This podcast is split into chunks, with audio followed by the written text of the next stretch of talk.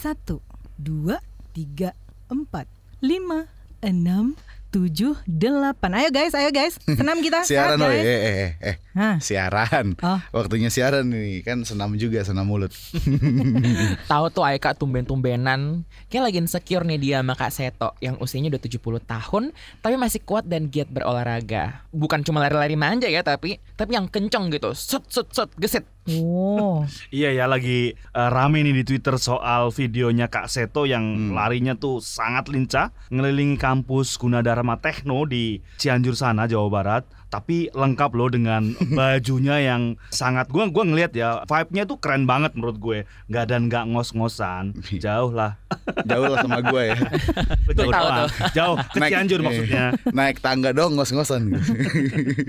Tapi emang kalau dia tuh nggak cuma lari yang gue tahu tuh, dia tuh juga ternyata jago parkur coy, yang manjat-manjat gedung gitu loh. Tapi Hahaha. yang menarik Spiderman gitu. Iya yang kayak kayak gitu. Itu kan parkur namanya. Tapi yang gue suka dari Kak Seto itu Apa tuh? ada satu pelajaran yang bisa kita ambil dari dia. apa? Bukan kita tapi pemerintah harus ambil dari Kak Seto tuh satu pelajaran. Apa tuh? Konsistensi. Asik. Kak Seto mau ngapain aja rambutnya begitu gak berubah. Poninya ya. Asli. Dari dulu sampai sekarang. Kayaknya waxnya pakai lem Korea ya Asli. Gua tapi keren dia tuh. Emang keren sih bro, jangankan parkur ya, parkir aja gua masih bingung ya, kan masih ngawur. Tuh dia tahu tuh Anyway biar makin semangat senam dan olahraganya Makin komplit kalau sambil dengerin FOMO Sapien dari KBR Prime tentunya Jalan pintas yang gak bikin kamu ketinggalan berita Atau peristiwa di sekitar kamu Bersama Ian Hugen Dan Aika masih barengan juga sama teman-teman dari podcast Hamburger, sebuah ruang terbuka yang ngebahas isu sehari-hari dari kacamata HAM. Ada Kak Awi. Dan lagi-lagi Jess. Kenapa harus pakai Kak sih? Kak Awi. Guys gue mau nanya nih sama kalian Hmm. apa tuh? Orang muda tuh kan lekat ya Sama cinta dan cita Anjay. Katanya sih gitu ya By the way Sebagai yang udah pernah melalui umur 24 Hmm. Gue mau nanya nih Where were you The age of 24 Ya kalau gue kan masih 22 ya sekarang Belum 24 Kalau kalian gimana nih? Gue 17 masih gimana? Bohong-bohong kelihatan banget. Gue dompet di mana ya? Kayaknya masih mengejar cita dan cinta. Eh. Asik. Gua gua sekarang 16. Oh iya? Sisanya. Eh, jangan dong. Iya. Kalau gua 24 kayaknya masih bingung nyelesain skripsi nggak kelar-kelar deh waktu itu. Aduh. Kalau 24-nya gua itu gua ngerasa kayaknya pusat dunia adalah gua gitu ya. Widih, ngeri. Gua ngerasa Ngeri, apa ya? Center of attention ya. Kuat banget, nggak ada tuh capeknya tuh. Iya. Umur-umur 24 itu lagi itu. lagi demo tuh, lagi sering-sering demo kayaknya. Tapi mau lo pada menyombongkan diri apa pun nggak ada apa-apanya lo sama yang namanya Nur Afifah Balkis. Beda pengalaman Kok kita, beda ya? pengalaman dia. Hey hey, siapa dia? Gue jadi inget tuh ada dulu di satu-satunya televisi kebanggaan kita Apa tuh? berpacu dalam melodi. Kali ini berpacu dalam korupsi. Doi adalah bendara umum DPC Partai Demokrat Balikpapan. Jadi kalau bahasa Inggrisnya behind the board Balikpapan. Yang jadi tersangka korupsi dalam kasus suap Bupati Penajam Pasir Utara. Nur Afifah ini bahkan disebut-sebut sebagai koruptor termuda loh. Oh my god, ini benar-benar the real definition of yang muda yang berbahagia. Eh salah, yang muda Yoi. yang berbahaya. Exactly. Ngalah dulu, Jess. Ya tapi jujur li ya meskipun gua kaget sih pas denger kabarnya itu Tapi gue bersyukur juga sebenarnya dia nih cepat ketangkep Kebayang nggak? Katakanlah nih misalnya 10-20 tahun lagi baru ketahuan Uh jangan-jangan nih di rumahnya udah nimbun kekayaan Pas di OTT sama KPK nemu tuh kandang dinosaurus, playground alien, mumi Firaun, Eh, Atlantis cut cut cut cut cut mulai deh ya. Nggak usah jauh-jauh menghayalnya. Kan ada tuh yang true story, terduga kasus korupsi juga. Si Bupati Langkat Sumut terbit rencana perangin-angin. Mantap juga ya namanya, kayak judul novel. Kemarin pas rumahnya digeledah KPK nih, juga BKSDA, kan ditemukan tuh tujuh satwa dilindungi mulai dari monyet hitam Sulawesi, elang brontok, dua jalak Bali, dua beo, dan satu orang hutan. Nah, model gini nih yang sebenarnya nyumbang untuk kepunahan satwa-satwa yang selama ini tentu perlu kita lindungi. Apalagi kan ada satu riset nih terbaru tahun ini dari Departemen Konservasi Sumber Daya Hutan dan Ekowisata IPB Hmm. yang nyebut orang utan dan separuh spesies primata Indonesia terancam punah di 2050. Wah, FYI aja nih ya, Pak Terbit ini jadi tersangka kasus suap terkait pengaturan paket proyek infrastruktur dan proyek di Dinas Pendidikan tahun anggaran 2020-2022. Nah tapi kalau menurut gua menyangkut si Bupati Langkat itu rasa-rasanya perkara korupsi malah jadi sorotan sampingan. Soalnya seperti namanya, yang malah terbit itu adalah temuan kerangkeng manusia di rumahnya Bupati Langkat yang sudah nonaktif ini. Kerangkeng itu kabarnya dijadiin panti rehabilitasi pecandu narkoba. Namun, nih namun nih, dari temuan aparat Pak Bub ini, cah Pak Bub, nggak pernah mengurus izin menjalankan kegiatan rehab sesuai UU narkotika. Selain buat rehab, kerangkeng itu juga dipakai untuk menampung remaja yang dianggap nakal dari berbagai daerah di Langkat. Mayoritas orang yang menghuni kerangkeng diserahkan sendiri oleh keluarga karena menganggap fasilitas rehab milik sang bupati itu bisa membina anak mereka dari kenakalan maupun problem narkoba. Mengingat sang bupati cukup disegani warga sana karena statusnya sebagai pengurus Ormas Pemuda Pancasila sekaligus aktif di Partai Golkar. Ya ya ya ya ya disegani ya beda sama gue disegoni.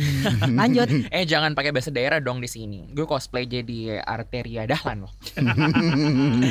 Kembali ke laptop ya tapi ya. Jadi soal kerangkeng manusia itu tadi muncul dugaan adanya perbudakan manusia nih.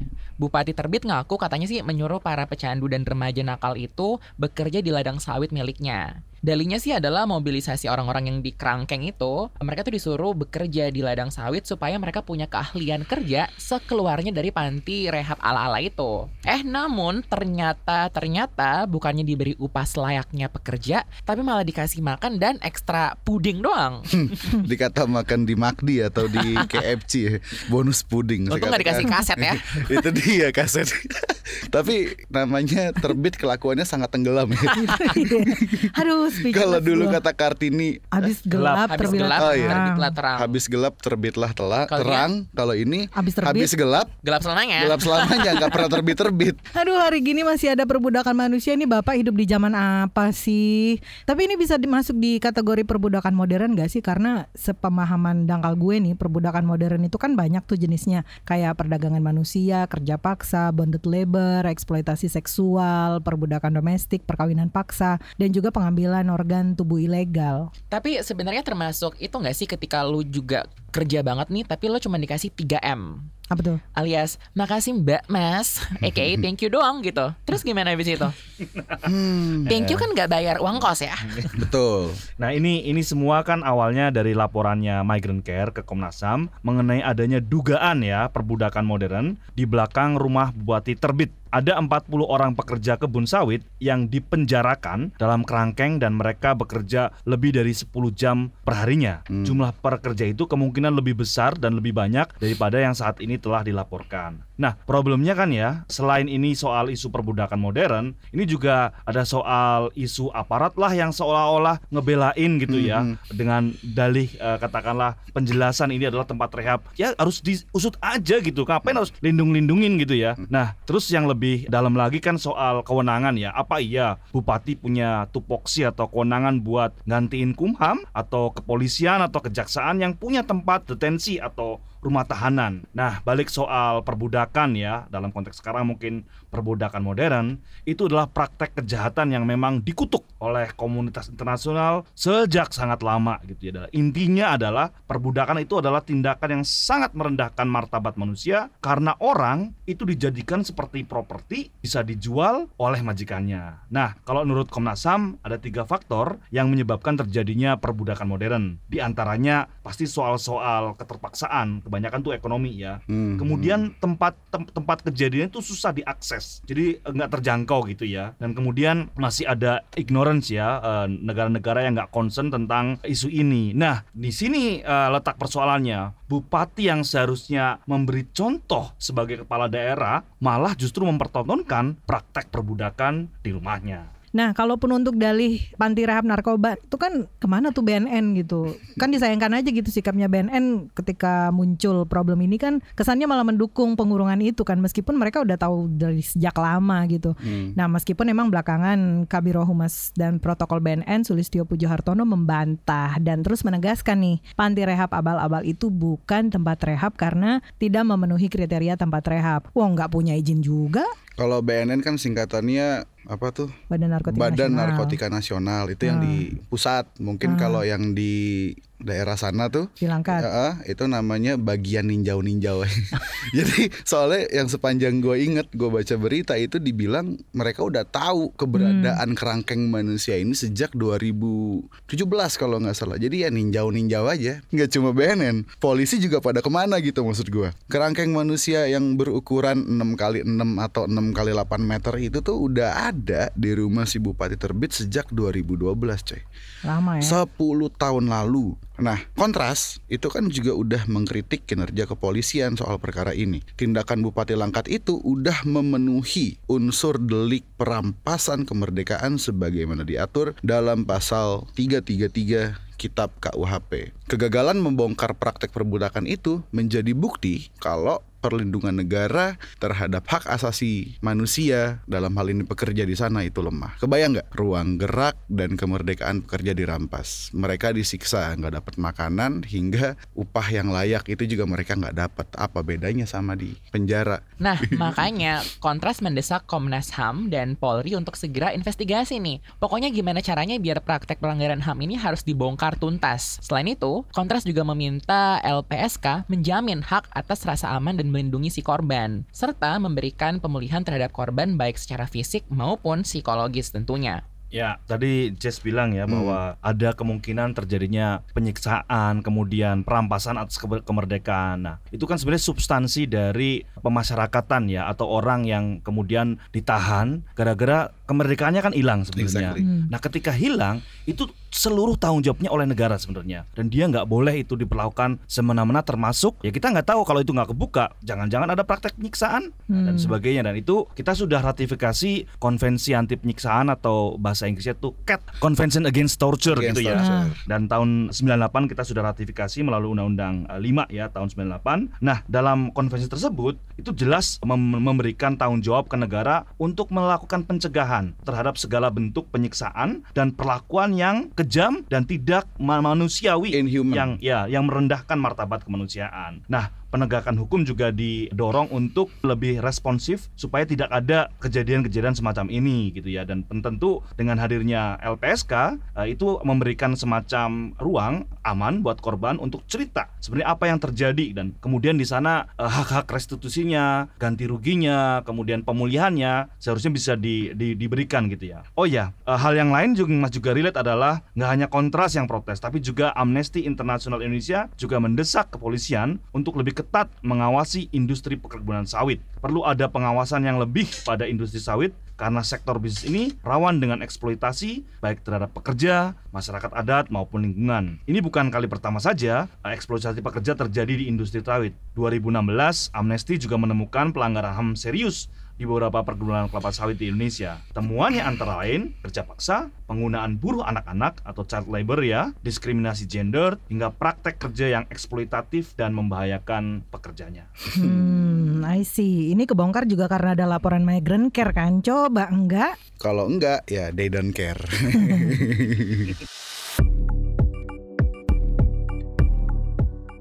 Gue mau membuka ini dengan pertanyaan lagi nih. Selama pandemi ini kita jadi lebih sering di rumah kan?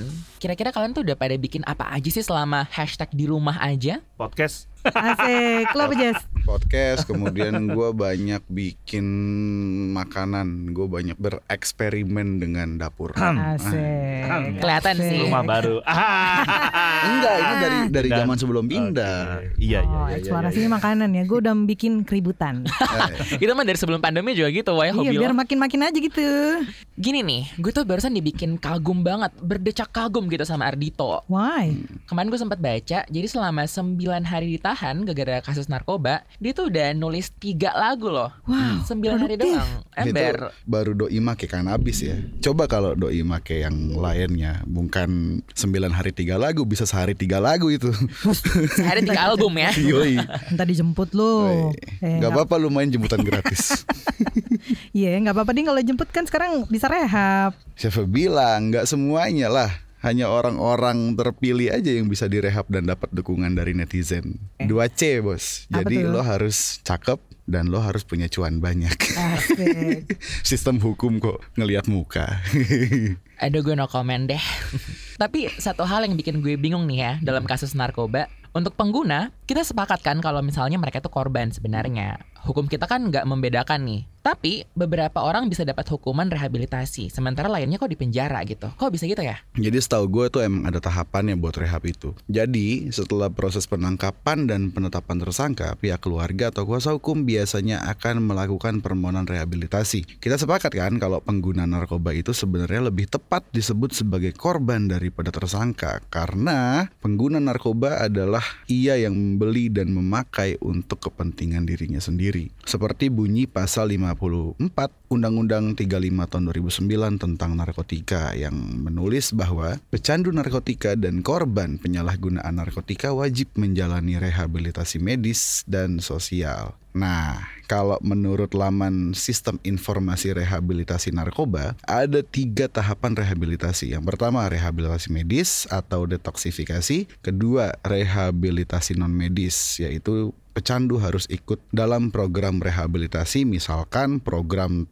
terapeutik communities, 12 langkah pendekatan keagamaan dan lain-lain. Dan terakhir tahap bina lanjut atau aftercare di bawah pengawasan tuh BNN. Hmm. Lu kayaknya apal banget tuh Jess Kayaknya cocok tuh kalau masuk ke salah satu Ya apal banget kayaknya sudah pernah jalan Dia kan baca skrip. Anyway, anyway, anyway, ini ini menurut gua uh, yang paling lucu dari undang-undang narkotika ya. Kok ada korban ya masuk penjara atau rehab, pelaku juga masuk penjara. Jadi gimana sih? Gua agak gak ngerti deh soal logika di undang-undang uh, narkotika ini. Nah, jelas ya, penyalahgunaan narkotika korbannya ya, ini seharusnya bukan dihukum melainkan harus direhabilitasi. Mereka kan ketergantungan, kecanduan, sakit. Jadi dia harus disembuhkan, harus penanganannya medis, bukan dengan malah justru di dihukum atau di penjara gitu ya. Nah ini ini problem klasiknya. Maka kata kuncinya adalah support, don't punish gitu ya. Jadi mereka tuh butuh didukung, bukan malah dihukum. Sebab penjara justru menciptakan satu masalah baru bagi para korban penyalahgunaan narkotika itu sendiri. Ketika di penjara, mereka sulit mendapatkan fasilitas rehabilitasi dan akhirnya ketika keluar dari penjara, mereka menggunakan narkotika lagi ya jadi malah malah malah malah gitu ya. Nah malah- menurut malah. ICGR eh, masalah lain yang tak kalah pelik adalah pemidanaan penyalahgunaan narkoba dengan hukuman penjara mengakibatkan lapas atau lembaga pemasyarakatan ya kelebihan kapasitas atau overcrowded. Nah kelebihan kapasitas ini menimbulkan persoalan baru. Mereka menjadi sulit mengakses layanan kesehatan dan bahkan yang lebih besar lagi ya ini soal-soal layanan dasar seperti makan, pakaian, ruang untuk beraktivitas yang tak terpenuhi dengan layak dan manusiawi. Pembiayaan penjara apa lapas itu ya jadi lebih besar daripada kosnya ya karena kita alihkan semuanya ke rehabilitasi. Gue tadi tertarik tuh sama Mas Awi ngomong malah malah malah malah itu. Jadi Lisma ya. Eh? Kan kalau Risma marah-marah, Ah. kalau malah-malah Lisma. Oh, iya. Bedanya emang jokes bapak-bapak. Ember. Jadi, jadi gitu ya adik-adik. Jangan pada hore. Kalau semisal ada orang dihukum penjara Karena jadi pengguna narkoba Apalagi pilih-pilih gini. Ardito nih ya Doi ganteng gitu Mukanya mulus kayak Budiman Sujatmiko muda Katanya gitu tuh. Terus didukung abis buat direhab. Sementara kalau ada orang atau seleb lain yang mohon maaf aja nih mukanya B aja gitu diujat abis-abisan penjara tepat buat hukuman dia gue inget persis kok dulu waktu ada salah satu vokalis band yang ya lo tau lah maksud gue Yang kan polem itu. yang polem itu Ya. yang poni lempar itu kan Ah. dihujat habis-habisan coy tapi kenapa nih kalau giliran Ardito mentang-mentang ganteng terus didukung gitu disupport atau Jeffrey Nicole disupport. Oh iya benar. Oh, emang mukanya Jeffrey Nicole, mukanya Ardito Pramono itu bisa bayarin biaya listrik lo per bulan gitu kan? Enggak ya lo cuman ya udah muka gantengnya mereka juga nggak pengaruh apa-apa gitu buat lo. Tapi justru lo bersikap ganda itu yang gue lihat di publik tuh. Hmm. giliran pelakunya yang tadi mukanya biasa aja wah itu dia hujatnya habis-habisan. Lo udah jelek makin narkoba gitu kurang lebih. Kalau mau support support semuanya. Ya itu dia yang bikin gue tuh kesel banget gitu. Masa nih ya kalau nyambung ke obrolan kita tadi di awal Kan itu bupatinya bilang kalau kerangkeng atau penjara itu buat pembinaan pecandu Lah masa netizen malah ngedukung gitu Dibilangnya baik hati lah bapak itu karena mau membina pecandu yang miskin Gak mampu bayar rehab Aduh mohon maaf yang perlu dibina ini kayaknya bupatinya deh hmm. Ya termasuk ini juga bukan cuma netizen yang budiman loh. PDI dong bahkan bahkan ini apa media pun juga turut serta beberapa media buru-buru menyebut orang-orang yang diperbudak si bupati ini sebagai orang-orang orang binaan atau warga binaan. Jelas-jelas mereka tuh korban, bukan Exactly. tersangka atau bahkan terdakwa gitu. Nah, ini juga penyebutan yang keliru lagi nganggap mereka itu warga binaan dan yang tentu apa namanya nutup-nutupi yang tadi kita bahas adalah kepolisian juga ikut-ikutan bikin katakanlah eh, kesalahan dengan menyebut korban sebagai warga binaan. Bupati tidak punya kewenangan untuk melakukan rehabilitasi baik kepada pengguna narkoba maupun kepada siapa pun atas dasar kewenangannya. Bupati juga nggak punya kewenangan untuk melakukan pembinaan. Kewenangan itu ya dimiliki oleh Dirjen Pas di bawah Kemenkumham sehingga korban adalah korban dan jelas dia bukan warga binaan. Nah, praktek perampasan kemerdekaan disertai dengan adanya praktek eksploitatif menandakan adanya dugaan tindak pidana perdagangan orang. Hal ini dilarang dalam pasal 2 ayat 1 Undang-Undang 21 tahun 2007 tentang TPPO ya atau tindak pidana pe- perdagangan orang. Bahwa aspek yang harus diperhatikan atas tindakan ini adalah dugaan adanya proses, cara dan tujuan yang eksploitatif menandakan adanya dugaan terhadap terjadinya tindak pidana perdagangan orang.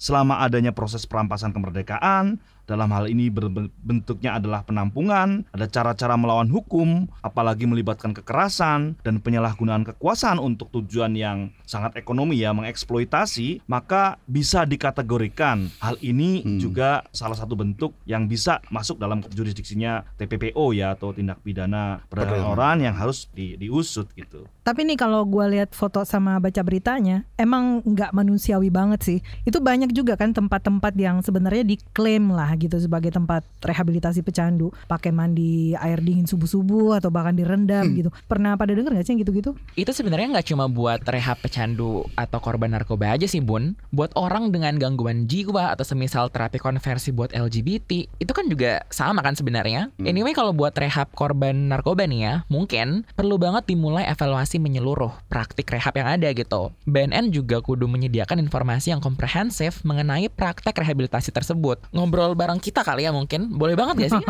Promosi banget bun. Ember harus dong. Nah, gue mendukung banget sih jualan kita barusan.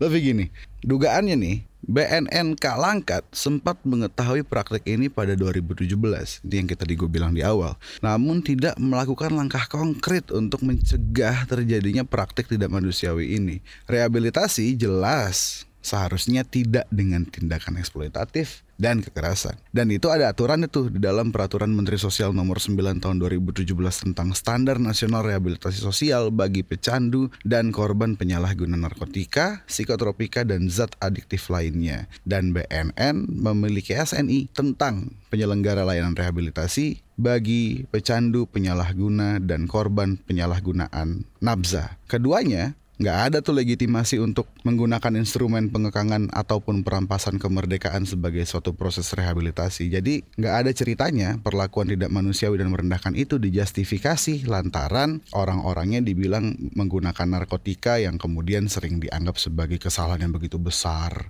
dosa yang begitu besar gitu loh maksud gue. Tapi Hmm. ya maksud gue janganlah ngasih-ngasih azab biar Indosiar aja yang ngasih azab tiga kali sehari gitu. Kita jangan. Duh, emang ya di Twitter ini tuh cepet banget gitu kalau urusan ngerujak orang. Apalagi kalau orangnya tuh nggak bisa nerapin political correctness. Akunnya akun gede pula. Maksudnya tuh lo. Hey, amit-amit ya bun, jangan sampai lagi terulang. Itu kemarin tuh ada akun gede yang bilang kalau nggak cuma orang kaya aja, tapi jadi orang miskin juga privilege sebenarnya. Langsung deh diamuk netizen. Ungkapan dia itu gimana ya? Nggak politically correct gitu. gue pengen tahu di mana part privilege dari orang susah makan gitu. Tapi oke lah soal privilege. Cuman maksud gue kalau soal political correct itu apaan sih? Kita nggak kurang-kurang gitu paham nih soal Kurang connect ya uh, nih, political gue correct. konekin nih. Jadi political correctness itu digunakan untuk mendeskripsikan bahasa, aturan, atau tindakan untuk menghindari sakit hati ke anggota kelompok tertentu di masyarakat. Kalau kata kamus Oxford sih ya, itu didefinisikan sebagai penghindaran bentuk ekspresi atau perilaku yang dipersepsikan untuk mengecualikan, memarginisasi, atau menghina kelompok masyarakat yang secara sosial dirugikan atau didiskriminasi. Sampai sini paham anak-anak? Paham Bu dosen? dosen. Nah, malah jadi pada kuliah kemari.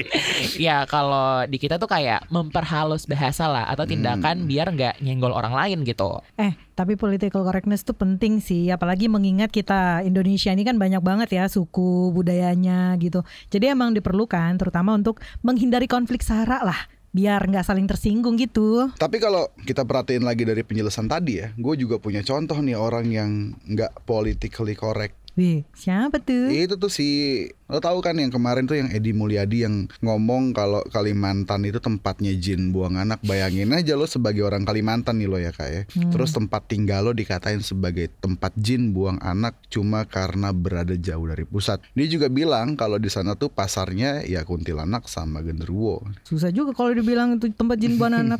lah gua di sini jinnya. Aduh, tuh orang kagak takut apa disamperin ya. Lagian dia tuh siapa sih sebenarnya? Si Edi Mulyadi ini, dia dulunya adalah wartawan senior di Forum News Network atau FNN. Jadi emang dia punya background sebagai wartawan gitulah Hmm. dan gabung di PWI ya atau Persatuan Wartawan Indonesia. Tahun 2019 dia juga pernah tuh terjun ke dunia politik, ikutan pemilu legislatif sebagai calon anggota legislatif dari Partai Keadilan Sejahtera. Tapi ya itu gagal. Maksud lo kayaknya kenal banget mas. Lo tetanggaan.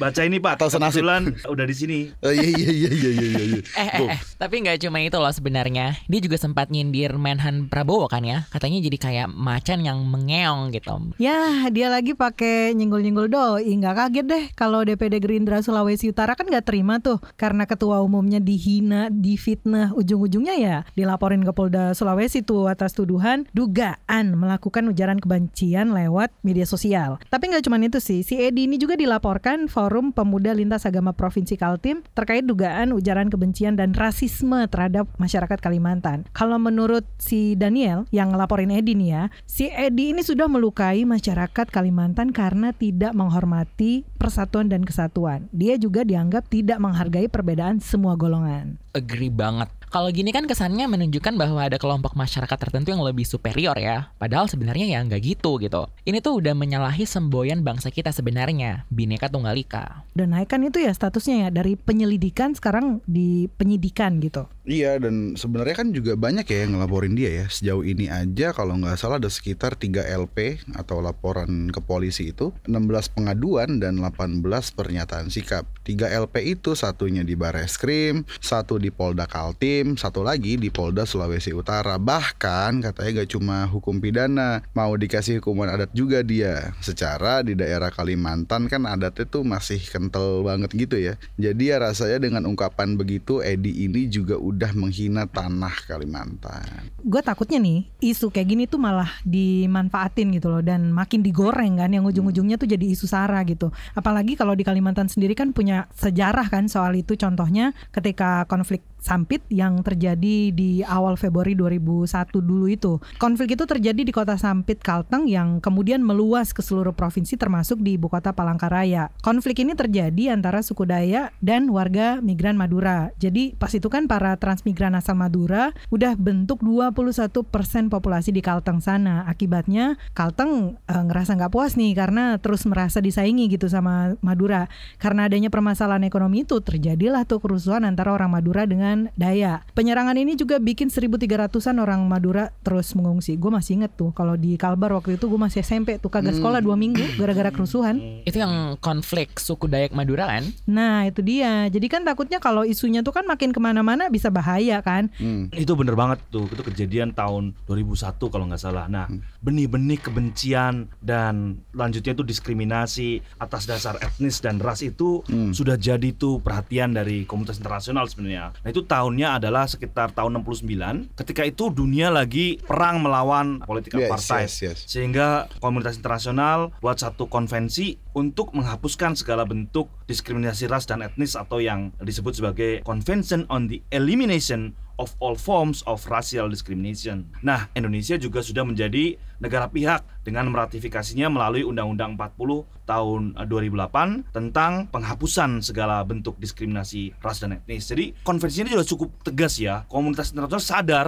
bahwa diskriminasi atas dasar ras dan etnis itu harus dihapuskan. Jadi, penghapusan itu kuat banget. Kenapa ini bisa menyalahi kemanusiaan? Gara-gara inti kejahatan ini adalah mempertanyakan soal lu pernah nggak sih minta untuk lahir dengan etnis atau ras apa? Ini bukan sebagai bahan yang untuk mendiskriminasi orang. Kita nggak bisa, nggak boleh tuh orang katakanlah didiskriminasi atau dibeda-bedakan Betul. hanya gara-gara dia itu punya ras yang itu dia sendiri nggak bisa minta. Sebenarnya definisi diskriminasi ras dan etnis itu kalau dalam CERT ya Convention Konvensi on the itu. Elimination of All Form of Racial Discrimination itu ada empat definisinya. Hmm. Satu soal soal soal untuk membeda-bedakan. Jadi kalau kamu sukunya apa atau rasnya apa dibeda-bedakan itu sudah ada indikasi pelanggaran HAM ya atas Hmm. dasar suku dan ras dan etnis itu. Kemudian dikecualikan atau kemudian pembatasan atau kemudian pemilihan berdasarkan pada ras dan etnis atau memberikan ruang lebih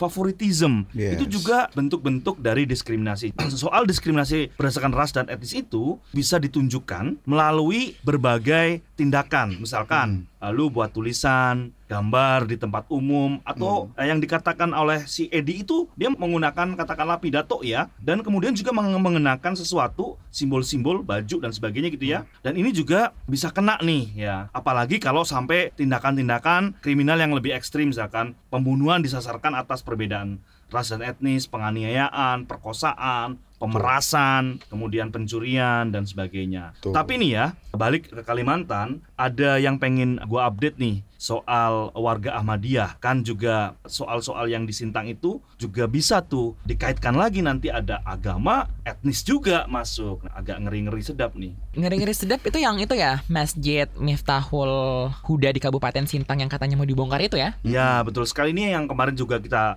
bahas di episode minggu sebelumnya kan. Jadi setelah proses yang panjang, baik itu perusakan, pengadilan, sampai putusan di Januari ini, sempat tuh ada upaya audiensi tanggal 18 Januari. Nah kemudian muncul nih audiensi hasilnya adalah dua opsi, yaitu solusi pembongkaran atau dialihfungsikan sebagai tempat tinggal. Tempat tinggal siapa? Nah itu dia, gue nggak tahu nih tempat tinggal eh, buat siapa. Kemarin akhirnya 21 Januari Pemkap melakukan rapat dan hasilnya Masjid Miftahul Huda ini akan dialihfungsikan. Sosialisasinya sih pada 24 Januari kemarin. Tapi bingung juga sih kalau dibilang jadi tempat tinggal tapi nggak tahu tempat tinggal siapa gitu. Dan back again ini kan awalnya dibangun untuk jadi rumah ibadah ya. Iya, Udah melenceng 12 banget tahun gitu. loh, Exactly. Iya. Jadi kayak hah membingungkan banget. Terus si Pemkap Sintang ini nggak pernah nih sampai sekarang dia nggak pernah mau nyebut Miftahul Huda ini sebagai masjid. Nah? FYI nih. Jadi dia selama ini dari SP1, SP2 sampai SP3 dia selalu menyebut bangunan yang difungsikan sebagai tempat ibadah. Padahal dari dari 2007 teman-teman Ahmadi di sana itu menginginkan sebuah tempat ibadah yang sedemikian mereka impikan gitu. Dia Hmm. bangun awalnya dari pakai kayu papan segala macam sampai akhirnya bisa jadi sebuah bangunan yang bagus yang layak. Baru dipakai di bulan Mei tahun lalu, di bulan September dihancurin. Jadi impian 13 tahun dihancurin dalam waktu empat bulan terus tidak diakui gitu. sedih banget tapi gue juga masih penasaran nih soal yang tadi disebut-sebut di awal sama Ian soal political correctness nih balik ke situ lagi nih gue nih. Nah, gue lihat itu sangat ngedalamin banget nih Jess soal ini Jess. Sekalian soalnya bro, soalnya ada satu lagi yang kena kasus karena omongannya tentang kelompok tertentu. Hmm. Jadi gini, political correctness ini kan juga termasuk gimana cara memilih bahasa yang digunakan ya. Bahasa Sunda itu kan termasuk dong harusnya ya. Nah soalnya gini, kemarin anggota Komisi 3 DPR fraksi PDIP Arteria Dahlan juga dilaporkan oleh Majelis Adat Sunda atas dugaan ujaran kebencian buntut ucapan bahasa Sunda. Nah lo kenapa lagi tuh dia? Jadi nih Arteria minta Jaksa Agung ST Burhanuddin buat negur kepala kejati yang ngomong pakai bahasa Sunda pas lagi rapat. Dia minta supaya jajaran Kejaksaan Agung lebih bersiap profesional dalam bekerja. Jadi dia minta diganti pakai bahasa Indonesia dan gak usah pakai bahasa-bahasa daerah atau di sini bahasa Sunda ya. Katanya orang jadi takut kalau ngomong pakai bahasa Sunda, ntar orang takut ngomong apa dan sebagainya gitu. Ada-ada aja. Tapi gue penasaran nih, kalau menurut Lolo pada sendiri nih di sini gimana sih kalau ngomong pakai bahasa daerah saat rapat tuh gimana menurut lo? Atau gimana kalau tiba-tiba lagi siaran gini ada yang nyeplos pakai bahasa daerah? Kalau menurut gue sebagai orang daerah sih, ya kalau misalnya itu memang daerah dia, ya nggak apa-apa gitu. Cuman emang sometimes kita tidak bisa memungkiri ya ada yang namanya cultural Barrier. Appropriation. Iya, iya, benar, Exactly itu. Jadi kayak kalau misalnya tujuannya untuk dibikin jadi lelucon atau misalnya itu bukan culture dia sendiri itu memang kadang jujur menyinggung sih. Tapi Iya. kalau misalnya itu dari asal dia ya it's totally fine. Itu pandangan gue ya. Kalau gue sih ngelihatnya gini ya, bahasa itu semuanya setara. Mau bahasa daerah, termasuk termasuk bahasa Inggris lah kita ya selama ini ngomongin bahasa Inggris emang dari sini kita ada yang bule nggak ada juga Boleh potan iya. ya menurut gua nggak apa-apa selama intensinya memang untuk berkomunikasi dan kita nyaman menggunakan itu True. gitu, maksud Tapi gua. kayaknya di ruang sidang banyak juga yang menggunakan bahasa Arab. Eh, ya sejauh itu tidak merugikan pihak lain lah ya gitu ya. ruang ruang sidang pakai bahasa Arab dalilnya fatwa MUI Eh, eh, eh. Tapi tapi tapi ya katanya si Arteria itu udah minta maaf kan atas pernyataan dia. Iya, emang udah minta maaf sih. Tapi bahkan dari pihak eh, masyarakat penutur bahasa Sunda aja kan sampai datengin gedung DPR RI tuh. Mereka ngelaporin Arteria ke Majelis Kehormatan Dewan MKD dan minta MKD untuk memeriksa bahkan memberikan sanksi terberat gitu, yaitu pemecatan. Ya, walaupun udah minta maaf tapi mereka tetap minta bahwa masalah ini ya harus tetap diproses. katanya juga mau dilabrak tuh dia tuh sama lordnya Sunda Empire Jangan-jangan gara-gara itu makanya minta kalau- maaf. Nah, kalau udah turun udah selesai masalah ini. Kiamat udah dekat. Eh, tapi kalau ngelihat kasus-kasus kayak gini gue jadi pengen nyanyi deh. Nyanyi apa sih? Lo mau alih fungsi jadi penyanyi sekarang? Alih Yang gak gitu fungsi juga, lah. Bun. Emang maunya lu apa sih? Siapa tahu bisa diiringi jazz dengan kecerekannya. Wah itu itu tuh lagu ini trio kuek kuek yang bagian Indonesia negeriku orangnya lucu-lucu. Bisa aja nih bebeknya trio kuek-kuek. Oke itu dulu buat pekan ini saya Aika. Saya Ian Hogan. Dan Kak Awi. dan adik Jess Sampai ketemu minggu depan. bye